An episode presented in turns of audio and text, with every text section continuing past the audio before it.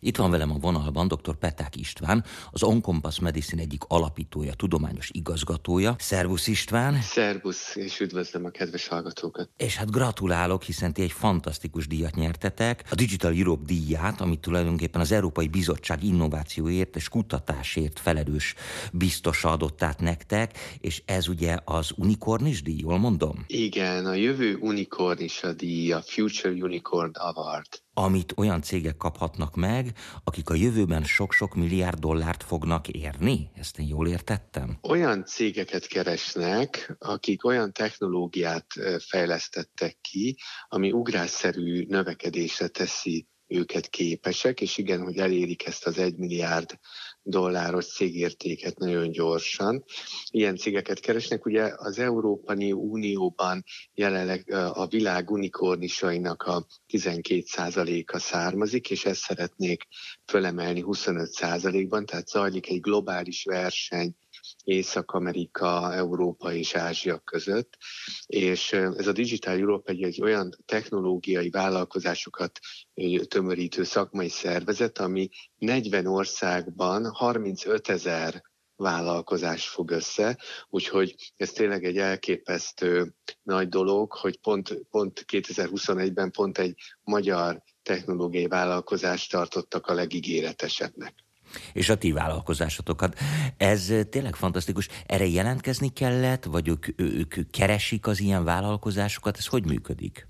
A, a Magyar Informatikai Vállalkozások Szövetsége, az IVS, tavaly nekünk ítélte a Gyúrós Tibor díjat az év innovációja kategóriában, és ez a szervezet tagja ennek az szervezett családnak, és ők jelöltek minket erre a versenyre. 21 jelölés érkezett idén, és utána egy pályázaton kellett ugye bemutatkoznunk, és egy bemutatkozó videót kellett bemutatnunk, és ennek alapján kerültünk be először a első háromba, egy svéd és egy norvég céggel együtt, akik egyébként környezetvédelmi megoldásokat fejlesztettek ki, elektromos áramot termelő szövetet, úszó naperőműveket, és tehát a valójában itt az ipar minden területéről voltak vállalatok, de valójában mindenki az az emberek, az emberiségnek valami nagy kihívására ö, fejlesztettek ki valamiféle technológiai megoldást. Meg fogom kérdezni tőled, hogy mi is az, amivel ti foglalkoztok, illetve hát én tudom, de hogy megkérlek, hogy mondd el a hallgatóknak. De én megnéztem a díjátadót, ez ugye online zajlott, egy ilyen Zoom meeting keretébe, és akkor volt egy pillanat, amikor ott volt a két másik jelölt, Giovanni Phil, jól mondom én az ő nevét? Valószínűleg igen, de én se tudnám jobban. Igen, és Borche Mérklető, az Ocean Sun-nak volt a képviselője, és ott vagy te, és akkor a műsorvezető Jennifer Baker egy ponton azt mondta, hogy open your chocolate boxes, tehát nyissátok ki a csokis dobozaitokat, és akkor valóban mindenki ott állt egy dobozzal, és kinyitotta, és akkor ebből derült ki, hogy ki hányadik helyezett lett. Előtte azért belekukkantottatok? Igen, hát ez volt a drámai, drámai felvezetés, ugye emiatt a virtuális konferencia miatt, ami ugye a COVID-19 miatt volt idén, hát normál esetben Brüsszelbe kellett volna mennünk, és ott lett volna egy normális díjátadó, de így ugye kénytelenek voltak előre elküldeni a díjat, és persze nagy embargó közepette, de ugye a három doboz egy-egy unikornist rejtett magába, két fehéret és egy arany unikornist, tehát elvileg ott kellett, hogy kiderüljön, hogy milyen unikornist rejtett a doboz, de hát elárulom azt a kulisszatitkot, hogy a szervezők kérték, hogy nyissuk ki előre a dobozt, és ellenőrizzük, hogy épségben van-e az unikorn is, és, és, és gyakoroljuk a kive, kiemelést, mert mondták, hogyha, hogyha ott az élő, élő konferencia Zoomba, ahol ott van nem tudom hány ezer követő, vagy néző, megyek ki a konyhába a ollóért, akkor, akkor meg fognak őrülni. Tehát, hogy, hogy ezt kérték, hogy preparáljuk meg a dobozt úgy, hogy könnyű legyen kinyitni és kivenni egy mozdulattal. De nem írták meg előre, hogy, hogy milyen unikorn is van a dobozban? Igen, tehát emiatt, hogy mivel hogy úgyis, úgyis meg kellett néznünk, ezért megírták, hogy hogy, hogy meg hát, hogy biztosan részt vegyünk, meg hogy... Meg hogy nem cserélték el össze véletlenül. Így van, így van, azért izgultam én is. De egyébként azt a kulisszatitkot is elárulom, hogy, hogy minden versenyző ré, rémálma is valóra vált, valóban össze volt törve az unikorn is. Tényleg? Úgy, tényleg, tényleg. Ezt így 3D nyomtatták, nem tudom milyen anyagból, és tényleg le volt törve a, a, a szarba, meg a füle. De szerencsére a, ugye a laboratóriumban nyitottam ki, úgyhogy akkor ezzel már kicsit el is árultuk, hogy hol járunk, egy molekuláris diagnosztikai laboratóriumban, ahol a kolléganők, akiknek az a dolguk, hogy a mindennapokban, hogy mikrolitereket pipettáznak, tehát elképesztő biztos kezük van, végül is pillanatragasztóval tökéletesen meg tudták gyógyítani a unikornist, és most az van kiírva a laboratóriumnak az ajtajára, hogy precíziós unikornis gyógyászat, és van egy nagyon aranyos unikornisról egy fotó, tehát hogy most már ezzel is foglalkozunk, de, de hát mire jó a biztos kéz és a precíz mozdulatok, úgyhogy, ez, úgyhogy, úgyhogy végül is teljesen tökéletesen messziről nem lehetett látni, hogy bármi baja lett volna az unikornisnak. Őrület. Jó, hát itt elvicceltük a dolgot, de hát ti a szószoros értelmében egy, egy halálosan komoly dologgal foglalkoztok, ami a rákutatás, és ebbe ti valami egészen új dolgot találtatok ki, és egy új utat nyitottatok meg, egy új kaput, és hát mondhatnám, hogy egy új reményt is. Kérlek, próbáld meg elmagyarázni nagyon egyszerűen a hallgatóknak, hogy, hogy mi az, amiért ti ezt a díjat kaptátok, és tulajdonképpen mivel foglalkozik az On Compass Medicine. Tehát én, nekem már ez egy 25 éves történet, 25 éve végeztem a Szemelweis Egyetemen, és azóta kutatóként azon dolgozom, hogy olyan orvosi eszközöket fejleszek ki a munkatársammal, aminek segítségével a daganatos betegek személyre szabott célzott kezelést kaphatnak, aminek segítségével előre tudjuk jelezni hogy egy adott beteg melyik célzott kezelésre fog reagálni. Úgy 18 éve alapítottuk a évfolyamtársammal, Schwab Ricsivel a magát a, ezt a technológiai startup vállalkozást, és kezdetben arra fókuszáltunk, hogy molekuláris diagnosztikai módszereket fejlesztünk ki, amivel ki lehet mutatni a daganatos betegek szövettani mintájából, hogy milyen génhiba okozta a daganatukat. Várj, és, egy uh, picit lassíts, mert azért itt, na, tudom, hogy nagyon sokszor elmondtad, tehát molekuláris diagnosztika, oké, ezt értem, milyen génhiba okozta a daganatokat? Most bocsánat, de mi laikusok azt gondoljuk, hogy a dohányzás okoz daganatokat, meg nem tudom, a nem megfelelő élet életmód, meg a radioaktív sugárzás, te pedig itt hirtelen génhibáról beszélsz.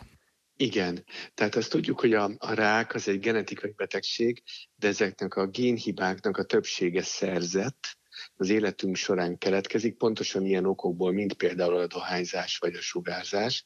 Tehát ezek a külső károsító tényezők okozzák azt, hogy a örökítő anyagunkban, a DNS-ben tör, történnek hibák, törések, mutációk, akár egyetlen egy betűnek a kicserülése megváltoztathatja egy fehérje aminósav sorrendjét, amit ugye a gén kódol, és vannak olyan gének, a 25 ezer génünkből egyébként ma már tudjuk, hogy 600, amelyek a sejtek osztódását és a programozott sejthalált szabályozzák. Tehát, hogy abból mennyi szülessen és pusztuljon el, mondjuk a, a bőrünkben, a hámunkban, vagy az emlőmirigyben, és ez egy dinamikusan szabályozott folyamat ezek által a gének által, és hogyha ezekben a génekben következik be hiba, génhiba, mutáció, akkor a kóros gén terméke fogja föntartani azt a abnormális sejtosztódást, megoldást, amit végül is ráknak nevezünk, és hát molekuláris szinten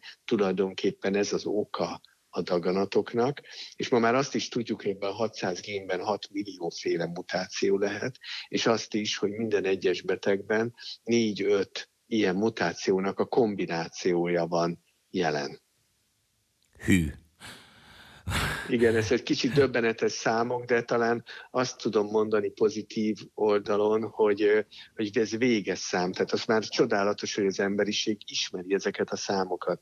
Tehát ez nem olyan, mint az univerzum, ez, ez egy megismerhető dolog, a DNS az két méter hosszú, három milliárd betűből áll, és már 2003-ban megismertük a normális genom sorrendjét, az volt a humán genom projekt. Igen, ez egy nagy áttörés volt. Igen, hát ez, ez a fantasztikus, hogy nagy volt a várakozás, hogy ez majd az emberiségnek egy új korszakát nyitja meg, és kicsit türelmetlenek voltunk jogosan, de mostanra a rákutatásban ennek a gyümölcse beérett tehát azzal, hogy megismertük a normális génkészletet, szisztematikusan össze tudtuk hasonlítani ezt a daganatokban található génekkel, és tudtuk azonosítani, hogy hol vannak a hibák, hiszen tudtuk mi ezt hasonlítani tudtuk mi a normális, és ezáltal be tudtuk azonosítani szisztematikusan ezeket a mutációkat, és a géneket, és a jó hír az az, hogy véges számú génünk van, és ebből véges számú gén hibája okozhat daganatot, más gén hibája másféle betegséget okoz, de daganatot ezeknek a géneknek a hibája. Tehát egy véges számú okunk van, most már csak az a feladatunk, hogy minden egyes ilyen gént, ami daganatot okozhat, és génhibát, ugye célzottan kezeljük, tehát levadásszuk ezeket a, a daganatot okozó géneket, és most ez zajlik, és ezt nevezzük precíziós onkológiának. Uh-huh.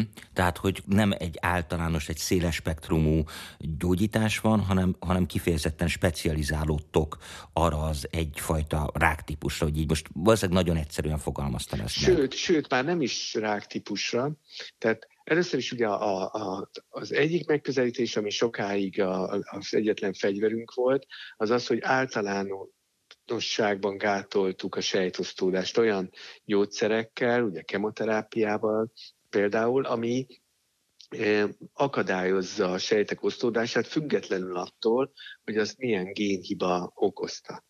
Tehát a, a célzott gyógyszerek korában viszont célba vehetjük azokat a génhibákat, amelyek az adott betegben a, okozzák azt, hogy a sejt egyáltalán osztódni akar. Tehát végül is a, nem a következményt, hanem az okot célozzuk, viszont, és ez nagyon sokkal keve, általában kevesen mellékhatással járó és nagyon hatékony kezelés lehet, de csak akkor, hogyha biztosak vagyunk abban, hogy abban a betegben a 600 gén közül pont abban a génben van olyan génhiba, amire az általunk választott gyógyszer hat. De most ugye először ugye az első feladat volt annak a, a, a fizikai kimutatása, hogy ezeknek a génhibáknak, ugye ezt nevezzük molekuláris diagnosztikának, amikor lemegyünk a sejten belül, ugye a mikroszkóp látja a sejteket, de a sejten belül a sejteket fölépítő molekuláknak a vizsgálatára, tehát nevezzük molekuláris diagnosztikának, ezen belül is leginkább a DNS-nek a bázis sorrendjének a, a leolvasását és az ott lévő mutációk azonosítását. Ugye hatalmas áttörés volt 2008-ban, 12 évvel ezelőtt az új generációs szekvenálás bevezetése. Bocsánat, az micsoda? Szó. Igen, ez, egy, ez szerintem nagyon érdem, meg kell vele barátkoznunk, mint a mikroszkóp szóval. Ugye a, a új generációs szekvenálás, vagy Next Generation Sequencing, NGS, ez ugye ez, ez azt jelenti, hogy pici molekulákat párhuzamosan szekvenálunk, tehát egyenként szekvenáljuk le a DNS szálakat, több százezret vagy több milliót egyszerre, és ezzel egy teljes molekuláris röngen tudunk készíteni uh-huh. egy sejt magjáról, tehát egyszerre látjuk az összes génhibát, és tudjuk, hogy miben van mutáció, és miben nincsen mutáció. És ez egy megelőző vizsgálat? Tehát, hogyha valaki mak egészséges és elmegy hozzátok, akkor ti meg tudjátok mondani, hogy nem tudom, milyen veszélyek leselkedhetnek rá, vagy milyen olyan gén problémák vannak, amitől neki erre, vagy arra, vagy amarra vigyáznia kell? Ugye maga a módszer az forradalmasította a az orvoslás nagyon sok területen. A daganatok vonatkozásában lehet örökletes géneket is vizsgálni ezzel a módszerrel, amikor azt keresik, hogy a, az illető hordoz-e olyan vele született génhibát, ami hajlamosítja valamiféle daganatos megbetegedésre, és akkor számára ugye személyre szabott szűrési, megelőzési programot lehet kialakítani, de a, a, a mi munkacsoportunk, a mi kutatásaink nem erre irányulnak, erre nagyon sokan foglalkoznak a Magyarországon is ezzel. Mi ezen belül, mi kifejezetten a daganatot vizsgáljuk, tehát akinek már daganata van, hogy azokat a mutációkat is látsuk, amik nem vele születettek, hanem szerzettek, és a, a mi fókuszpontunk az, az, hogy ezek alapján, a génhibák alapján tudjunk segíteni az orvosnak abban, hogy kiválassza azt a célzott gyógyszert, ami annál a betegnél a legindokoltabb. Ugye itt nagyon sok minden szempontot figyelembe kell venni, hiszen egy génben többféle mutáció is előfordulhat. Ezeknek meg kell tudni mondani, hogy ezek a mutációk mennyire játszhattak szerepet a gén kóros működésében, és hogy mennyire érzékenyek egy adott hatóanyagra. De azt is meg kell tudnunk mondani, hogy ha jelen van ez a hibás gén, hogyan befolyásolja az erre a génre hatott gyógyszer hatásosságát, hogyha egy másik génben is van paralel uh-huh. ugyanabban a sejtben génhiba, és hogyha van kettő, vagy három, vagy négy, vagy öt gén, ami egyszerre hibás, akkor mégis ezek közül melyikre lenne érdemes lőni, a, a, a, úgy, hogy akkor is hasson a, az a, arra ható gyógyszer, hogy a már többit nem gátoljuk, vagy, vagy pedig eleve tudjuk azt, hogy csak kombinációs terápiával van lehetőségünk eredményt elérni, vagy pedig azt, az is nagyon fontos információ az orvos számára, hogyha azt prediktáljuk, hogy a jelenleg elérhető célzott gyógyszerekkel nem pusztítható el ez a daganatsejt, ilyenkor vagy keresünk egy klinikai vizsgálatot, ahol már folyamatban van egy ilyennek a kifejlesztése, vagy pedig ilyenkor az a helyes döntés, hogy, hogy ne kapjon a beteg hatástalan kezelést, hanem akár más terápiás lehetőségek használjon az orvos. Fú, ezt értem, vagy, vagy, vagy érteni vélem, de ha jól gondolom, akkor ti nem Magyarországban gondolkodtok, amikor arról beszélsz, hogy az orvos, és hogy milyen gyógyszer, és hogy működik ez, hanem globálisan. Igen, abszolút. Ugye a, a rák az egy, egy eleve globális probléma. Ugye Hogyne? percenként 20 ember hal meg a világon, tehát szörnyű is belegondolni, hogy amióta beszélgettünk, hányan haltak meg. Ugye van egy híres jelenet a Kódjászma című filmben, amikor ezt kérdezi a katonatiszt a matematikustól, hogy tudja, hogy hányan halnak meg, amiatt, hogy a németek titkos kódját, az enigmát nem tudunk föl törni, és akkor a válasz az, hogy ugye hárman, ami, ott, ami alatt ezt a mondatot kimondtuk.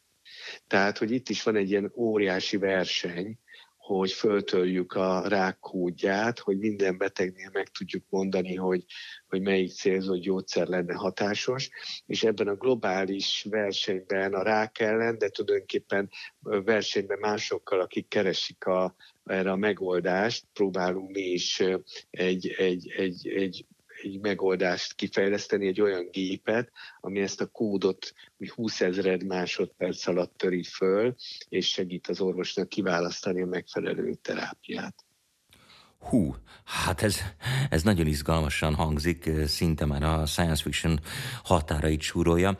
És már most gondolkodjunk a hallgatóink fejével, valakinek van valami fajta problémája, elmegy hozzátok, mi tud történni?